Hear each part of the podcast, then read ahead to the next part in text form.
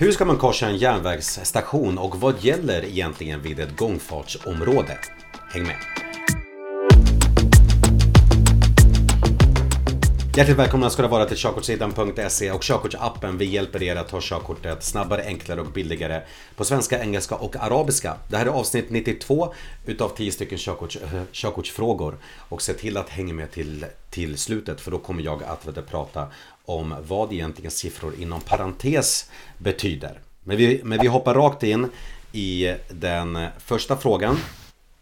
Vilket lyder Ungefär hur många skadas svårt i trafiken varje år i Sverige?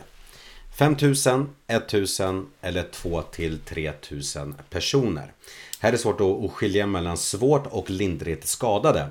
Okej, okay? men det är ungefär 2 till 3000 personer som skadas svårt i trafiken varje år. Och all statistik hittar du på körkortssidan.se i körkortsboken och steg för steg. Där har vi ett kapitel som heter olyckor och statistik.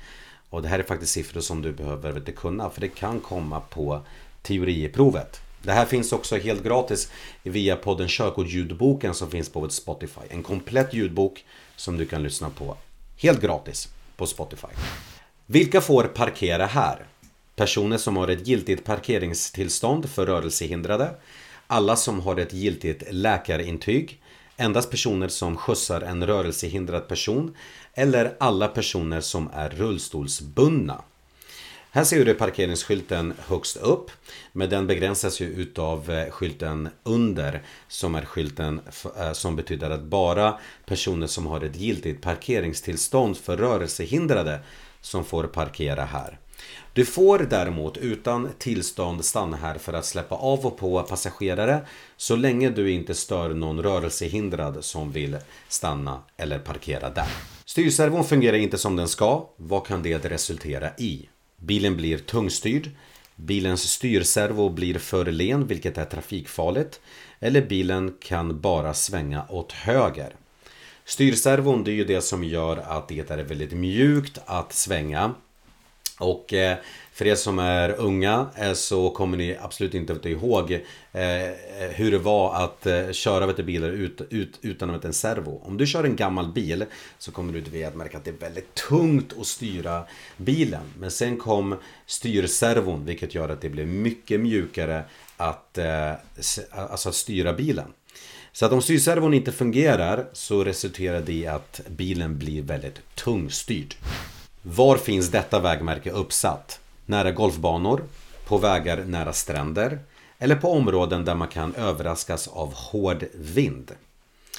Man kan nästan gissa sig fram till den här och eh, den här betyder att den finns på områden där man kan överraskas av hård vind och den finns i en till variant som är spegelvänd. Här säger den att det är väldigt stor risk att det kan komma vind ifrån höger sida och den spegelvända säger ju givetvis att det kan komma vind ifrån vänster sida. Men här betyder det att den här finns på områden där man kan överraskas utav hård vind. Vad betyder detta vägmärke? Trafikplatsens nummer, antal kilometer till nästa avfart eller avfartens nummer. De här vägmärkena är ganska nya. Eh, de kom för några år sedan. Jag minns inte riktigt vilket år. Men de här finns vid varje avfart. Eh, och det är väldigt bra så att man vet exakt vilken avfart man ska ta. Så att eh, i GPSen så kan du veta att du ska ta avfarten emot Uppsala. Säger vi. Men då, men då finns det även ett nummer så att man vet exakt vilken avfart man ska ta. Så att det här vägmärket betyder att den anger avfartens nummer. Hörrni, på körkortssidan.se och i körkortsappen så har, vi, så har vi nu exklusiva videos som bara medlemmar på körkortssidan.se och för er som har appen eh, kan se. Så att till exempel så har vi nu börjat med, med fem stycken videos och när du ser detta så finns det antagligen ännu fler videos som vi har lagt in här. Så hur räknar man ut reaktions... Eh, sträckan, bromssträckan, stoppsträckan. Vad betyder 24 timmars regeln och hur räknar man ut alkoholhalten i olika eh, drycker? Och här går jag igenom på ett väldigt enkelt sätt hur man, eh, hur man räknar ut allt, allt det här. Och det, och det kommer komma nya eh, videos. Bland annat så ska vi göra en video snart där vi förklarar väldigt tydligt skillnaden mellan cykelpassage och cykelöverfart. Och för att kunna se dessa videos så behöver ni ett medlemskap på körkortssidan.se Vilket eh, ni gör på hemsidan. Eller så kan ni ladda hem körkortsappen och där finns de också. Körkortsappen behöver inget medlemskap utan du köper den en gång och så har du den forever. Och så vill jag så slå ett slag för vårt nyhetsbrev där du får tips med bara värde men, men också så får du videon 10-stegsmetoden med massa tips och hemligheter för hur du kan spara otroligt mycket tid och pengar. Så den kan du se helt gratis om du prenumererar på nyhetsbrevet på våran första sida. Men nu går vi vidare. Nu ska vi se här. Den här tar vi. Hur ska du anpassa hastigheten när du ska passera en järnvägskorsning? Jag anpassar hastigheten på så sätt att jag kan stanna före korsningen. Jag kör enligt hastighetsskylten eller jag anpassar hastigheten så att jag hinner köra förbi järnvägen om ett tåg kommer. Så du ska alltid i trafiken, alltid anpassa hastigheten så att du kan stanna före ett hinder. Och korsningen här är, är inget undantag.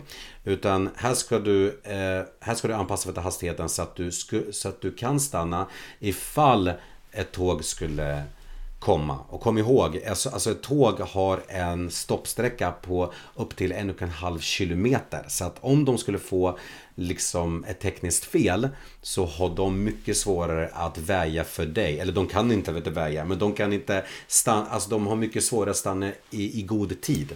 Så att här ska du alltid anpassa till hastigheten så att du kan stanna före, före, före, före korsningen. Och ett tips här det är att när du passerar så ha i en lägre växel om du kör en manuell bil för att det är viktigt att, att, alltså att bilen är pigg när du passerar.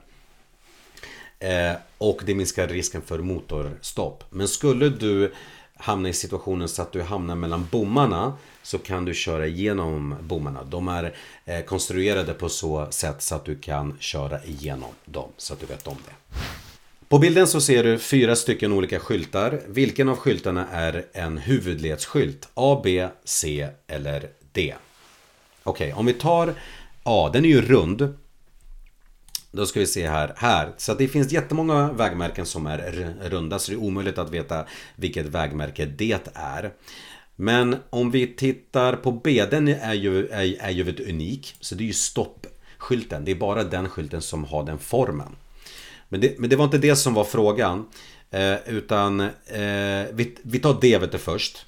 För att se vet du, rätt eh, svar. D i den här formen så finns det ju ganska många skyltar som har den formen också som, som ni ser. Men rätt svar C, den här formen den har endast huvudledsskylten som ni ser här. Och när du kör på en huvudled så har korsande trafik väjningsplikt till dig. Och det, och det betyder att de måste låta dig få köra först. Så att här är rätt svar eh, att C eh, är rätt svar i det här fallet. Vad gäller i ett gångfartsområde? Högsta tillåtna hastighet är 30 km i timmen. Du får inte köra in där. Gående har alltid företräde. Eller du får bara köra in där om du verkligen måste. Vi ser att det är ett gångfartsområde i och med att det här vägmärket finns och i ett gångfartsområde så får du bara köra i gånghastighet. Och gånghastighet, det brukar man säga är ungefär 57 km i timmen. Men rätt svar här det är att gående har alltid företräde. Så att i ett gångfarts eh, eh, i ett gångfartsområde så ska, så ska du alltid ge företräde till gående som vill korsa det här området. En annan sak här det är att när du eh, kör utifrån ett gångfartsområde så gäller utfartsregeln. Och den betyder ju att du behöver ge för, eller du har väjningsplikt till bilarna på vägen du kör in på efter att du har passerat ett, gångfarts, eh, ett gångfartsområde. Ser ni här, här är våran trafikskola i Jakobsberg, Gabriels trafikskola som ligger exakt vid Jakobsbergs pendeltågsstation så att den här ligger precis utanför våran trafikskola. Men här är i alla fall rätt svar att gående har alltid företräde. För vilken period gäller siffrorna inom parentes? 8 till 14 dagar före söndag och helgdag. 8 till 14 alla dagar eller 8 till 14 på klämdagar. Det här är ju en tilläggsskylt som ofta finns under eh, P-skylten. Okej? Okay? Så att Eh, vita siffror här, 8 till 14, det gäller på vardagar. Alltså måndag till fredag. Och de röda siffrorna gäller på röda dagar. Men siffror inom parentes, de gäller dag före helgdag. Okej? Okay? Så att på lördagar exempelvis och till exempel dag före en annan röd dag. Som till exempel 6 juni som är Sveriges nationaldag. Så att här är rätt svar eh, 8 till 14 dagar före söndag och helgdag. Vissa fordon måste ha triangelformade reflexer baktill. Vilka då? Släpvagnar, traktorer, lastbilar eller bussar. Man ser det nästan på bilden här.